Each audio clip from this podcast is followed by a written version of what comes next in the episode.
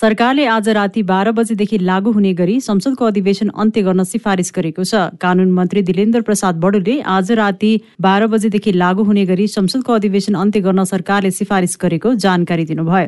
सबै दलहरू गाउँ केन्द्रित भएको र सांसदहरू पनि चुनावी प्रचारमा खटिने भएकाले तत्कालै संसद अधिवेशन अन्त्य गरिएको उहाँको भनाइ छ। प्रतिपक्षी एमाले को अवरोधका बीच नागरिकता लगायतका विधेयक र अन्य महत्वपूर्ण विधेयकहरू पास हुन नसक्ने भन्दै मन्त्री बडुले यी विषयमा संसदमा छलफल गर्न नपाएपछि संसद चालु राख्नुको औचित्य नभएको बताउनु भएको हो। नेकपा एमालेका अध्यक्ष केपी शर्मा ओलीले आगामी निर्वाचनमा एमाले साठीदेखि सत्तरी प्रतिशत स्थानीय तहमा जित्ने बताउनु भएको छ। आज काठमाडौँमा अखिल नेपाल महिला संघको बैठकलाई सम्बोधन गर्दै अध्यक्ष ओलीले एमालेलाई निर्वाचनमा कसैको सहारा आवश्यक नपर्ने र एक्लैले साठीदेखि सत्तरी प्रतिशत स्थानीय तहमा जित हासिल गर्ने दावी गर्नुभएको हो। त्यस्तै ओलीले कम्युनिस्ट नाम राख्दैमा वास्तविक कम्युनिस्ट हुन नसक्ने भन्दै वास्तविक कम्युनिस्ट हुन विचारमा स्पष्ट हुनुपर्ने जिकिर गर्नुभयो। उहाँले केही बुद्धिजीवीले कम्युनिस्टहरू नमिली समाप्त हुने भनेकोमा आपत्ति जनाउँदै कम्युनिस्ट एकता बेकारको कुरा भएको तर्क गर्नुभयो। ताजा जनादेशमा जाने कुरालाई प्रतिगमन भन्दै केही स्वार्थी तत्त्वहरू लागेको र उनीहरू अहिले पतन भएको उहाँको भनाइ छ। एमाले अध्यक्ष ओलीले सत्ता गठबन्धनलाई कम्युनिस्ट विरोधी शक्तिको संज्ञा दिँदै परमादेशी र जनादेशी शक्तिबीच लडाईँ भइरहेको धारणा राख्नुभयो। उहाँले वर्तमान सरकारका कारण मुलुकको राष्ट्रियता नै खतरामा परेको भन्दै यसका परिवर्तन अपरिहार्य रहेको पनि बताउनु बताउनुभयो। उहाँले हाल उपाध्यक्ष र उपमेयरको भूमिका रहेका महिलालाई अध्यक्ष वा मेयर बनाउन आफू सकारात्मक रहेको तर यस विषयमा अस्वस्थ अभियान नचलाउन सुझाव पनि दिनुभयो। हामी हिँड्न सक्छौँ हामी अगाडि बढ्न सक्छौँ हामी चुनाव लड्न सक्छौँ हामी मजाले जित्न सक्छौँ। हामी साठीदेखि सत्तरी प्रतिशत स्थानीय तहमा निर्वाचन जित्न सक्छौँ। सिटबाट सिटको हिसाबले पालिकाको हिसाबले अनेक हिसाबले पनि साठीदेखि सत्तरी प्रतिशत हामी एक्लै जित्न सक्छौँ। ओलीले महिलाको समान अधिकार र सहभागिताको विषयलाई एमाले नै अघि बढाएको दावी समेत गर्नुभयो। जनयुद्धले गर्दा महिलाको सहभागिता तेत्तिस प्रतिशत पुगेको भन्ने गरिए पनि त्यसको कुनै भूमिका नभएको उहाँको भनाइ छ। यो चुनाव पार्टीले लड्ने भएकाले पार्टीको नीति निर्देशन बाहिर नजान पनि उहाँले निर्देशन दिनुभएको छ। यसैबीच अर्को एक कार्यक्रममा बोल्दै एमाले अध्यक्ष ओलीले मध्य प्रदेशमा बेटी पढाओ बेटी बचाओ अभियानका क्रममा अनियमितता भएको आरोप लगाउनु भएको छ। आज भक्तपुरमा एमाले पर्सा काठमाडौँ सम्पर्क मञ्चले आयोजना गरेको पार्टी प्रवेश कार्यक्रममा ओलीले बेटी पढाओ बेटी बचाओ अभियानका क्रममा हिसाब मात्र मिलान भएको तर साइकल वितरण हुन नसकेको बताउनु भएको हो। बेटी पढाओ बेटी बचाओ कार्यक्रम भारतीय प्रधानमन्त्रीको बेटी बचाओ अभियानको नक्कल मात्र भएको उहाँको भनाइ छ। त्यस्तै उहाँले मध्य प्रदेश कृषि पर्यटन र व्यावसायिक क्षेत्रमा उत्कृष्ट रहेको पनि प्रतिक्रिया दिनुभएको छ। मध्य प्रदेशको विकास निरन्तर भइरहेको भन्दै उहाँले आगामी दिनमा यसले निरन्तरता पाउने धारणा राख्नुभयो। तपाईँहरूले दुई नम्बरको आकर्षक नारा देख्नुभयो होला। मोदीजीले मोदीजीले बेटी बचाऊ भन्ने एउटा नारा लगाउनु भएको थियो। त्यसलाई यता साप्टी लिएर साथीहरूले बेटी बचाऊ बेटी पढाऊ भन्ने नारा लगाउनु हो। साइकल वितरण भयो साइकल वितरण भएन। हिसाब मिलाप भयो कार्यक्रममा पर्साका एक वडा अध्यक्ष सहितको समूहलाई ओलीले एमाले प्रवेश गराउनु भएको थियो। नेपाली कङ्ग्रेसले आफ्ना नेता कार्यकर्तालाई मतदातासँग सम्पर्क बढाउन निर्देशन दिएको छ। केन्द्रीय कार्यालयले सतहत्तरवटै जिल्ला कार्य समिति मार्फत छ हजार सात सय त्रिचालिस ओडालाई पत्राचार गर्दै टोल कार्य समितिको एक सदस्यले कम्तीमा दस घर या पचास मतदातासँग नियमित सम्पर्कमा बस्न परिपत्र गरेको हो। कङ्ग्रेसले ओडा कार्य समितिमा पन्ध्र प्रतिशत युवा प्रतिनिधित्व गराउन समेत निर्देशन दिएको छ।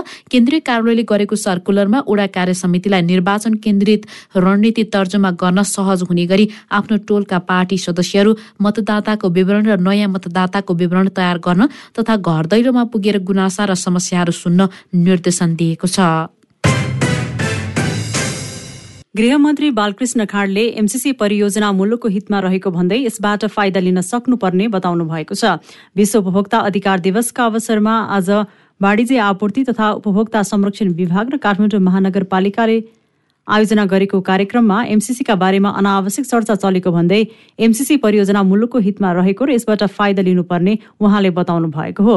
उहाँले एमसिसीका कारण उपभोक्तालाई पर्न सक्ने असरका बारेमा सरकार सचेत रहेको धारणा पनि राख्नुभयो। विद्युत र ऊर्जाको उत्पादन बढे व्यापारको सन्तुलन बढ्न सक्ने सरकारको विश्वास रहेको उहाँको भनाइ छ। त्यस्तै मन्त्री खाडले स्थानीय उत्पादनको प्रयोगलाई बढावा दिन नागरिक सचेत तना बढाउनु पर्ने र यसमा उपभोक्ता अधिकार कर्मीको महत्त्वपूर्ण भूमिका हुनुपर्ने पनि औल्याउनु भयो। संविधान ऐन कानूनमा भएका उपभोक्ता अधिकारसँग सम्बन्धित प्रावधानको कार्यान्वयन गर्न सरकार प्रतिबद्ध रहेको उहाँको भनाइ छ। एमसिसीको प्रस्ताव पास गरेर उपभोक्ताको चाहिँ हितका बारेमा सरकार केही संवेदनशील भएको छ खास गरेर ऊर्जा क्षेत्रमा विद्युत क्षेत्रमा। त्यो विद्युत र ऊर्जाको चाहिँ नि उत्पादन बढ्यो भने हाम्रो व्यापार भुक्तानी या व्यापारको सन्तुलन चाहिँ त्यसले गर्ला। विदेशी संस्कृति बढ्ला र हामीले त्यसलाई अरू महत्त्वपूर्ण ठाउँमा खर्च गर्न सकिएला भन्ने चाहिँ नि विश्वास व्यक्त गर्न चाहन्छु। सुरक्षित र समावेशी विद्युतीय कारोबार उपभोक्ताको अधिकार भन्ने अन्तर्राष्ट्रिय नाराका साथ आज विश्व उपभोक्ता अधिकार दिवस मनाइएको हो। सन् उन्नाइस सय बैसठी मार्च पन्ध्रका दिन अमेरिकी राष्ट्रपति जोन एफ केनेडीले प्रस्तुत गरेको सुरक्षा सूचना छनौट र सुनवाईका उपभोक्ताका चार अधिकारको रूपमा घोषणा गरिएपछि यसैको सम्झनामा यो दिवस मनाइँदै आएको छ।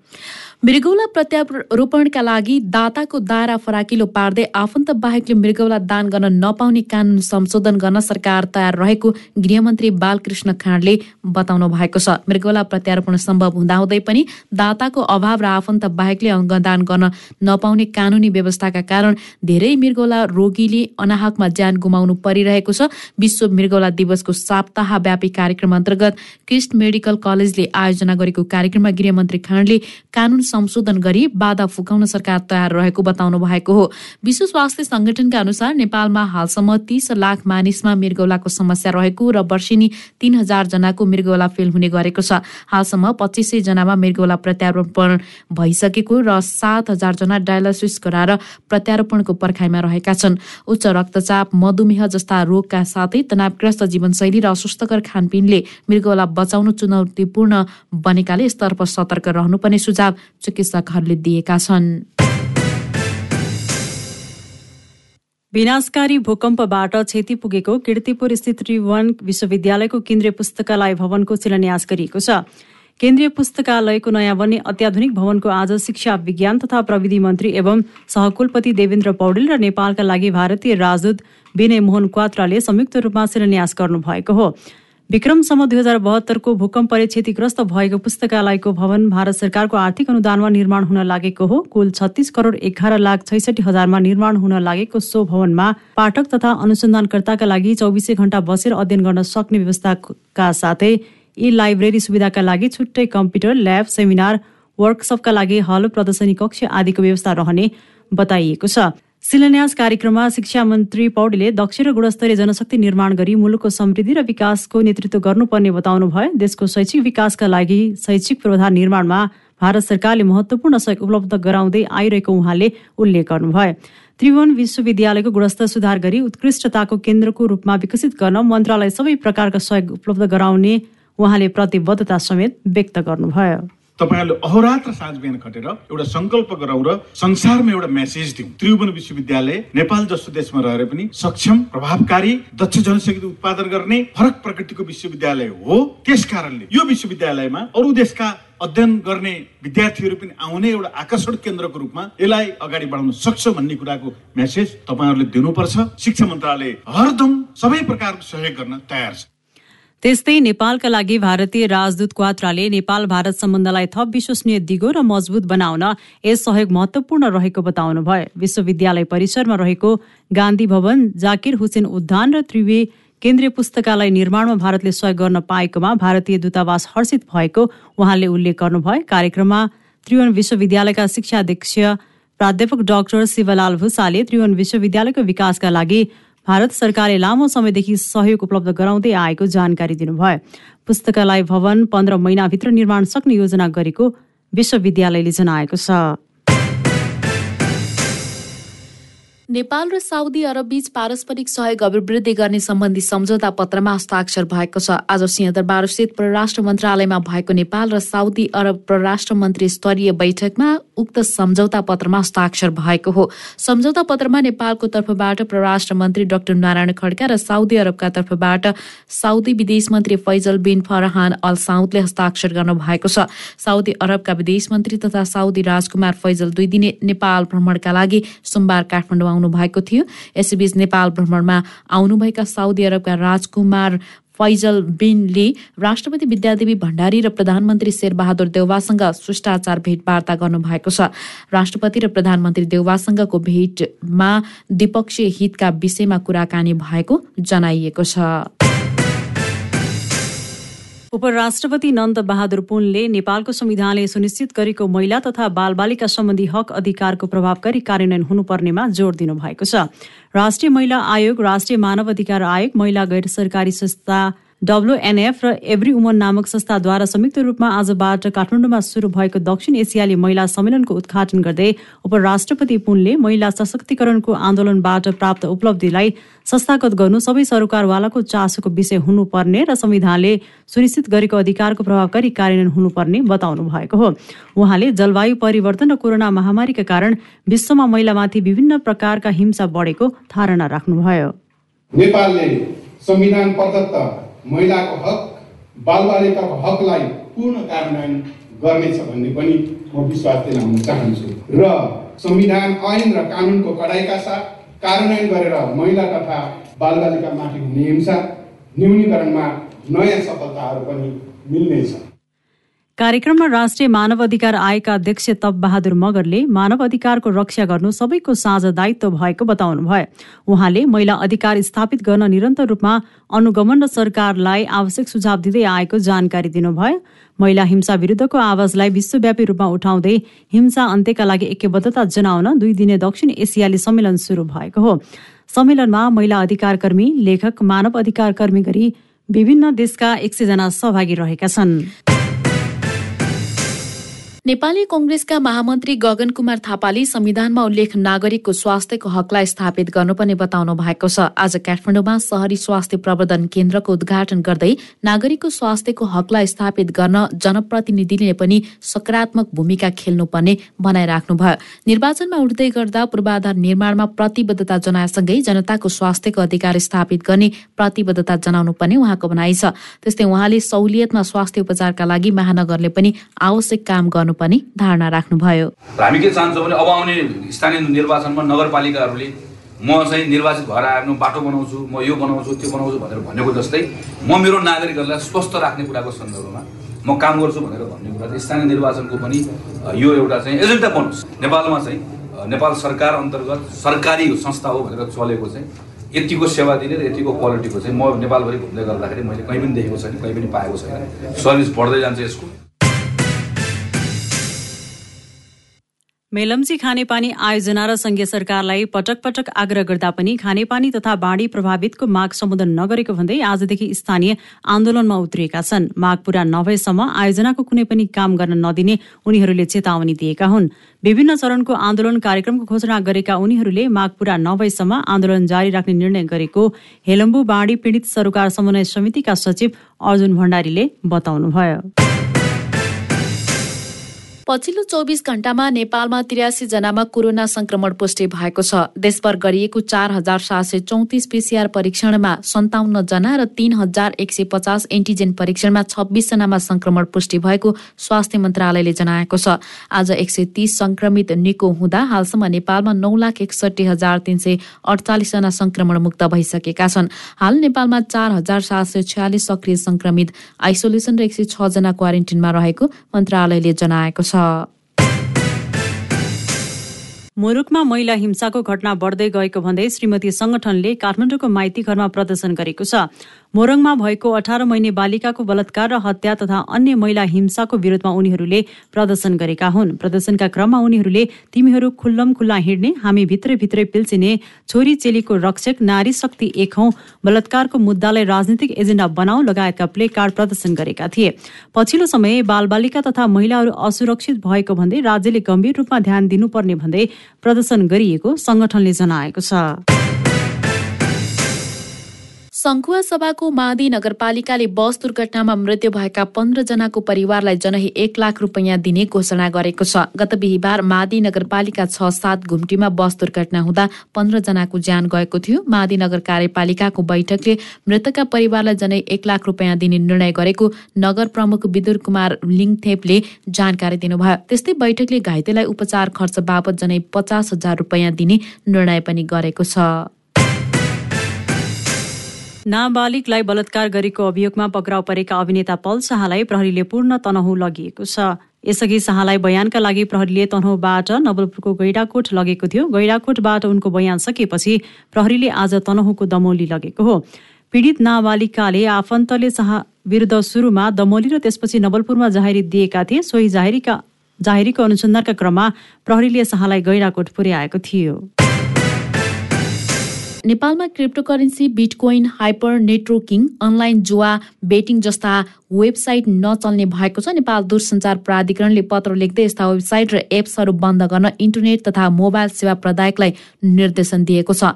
अर्थ मन्त्रालयले सञ्चार तथा सूचना प्रविधि मन्त्रालयलाई पत्र काटेर यस्ता वेबसाइट ब्लक गर्न आग्रह गरेको थियो। आर्थिक अपराधसँग सम्बन्धित एप र वेबसाइट प्रयोग सञ्चालन तथा व्यवस्थापन गर्न नपाउने गरी निषेध डिसेबल र कालो सूचीमा राख्न निर्देशन दिइएको हो।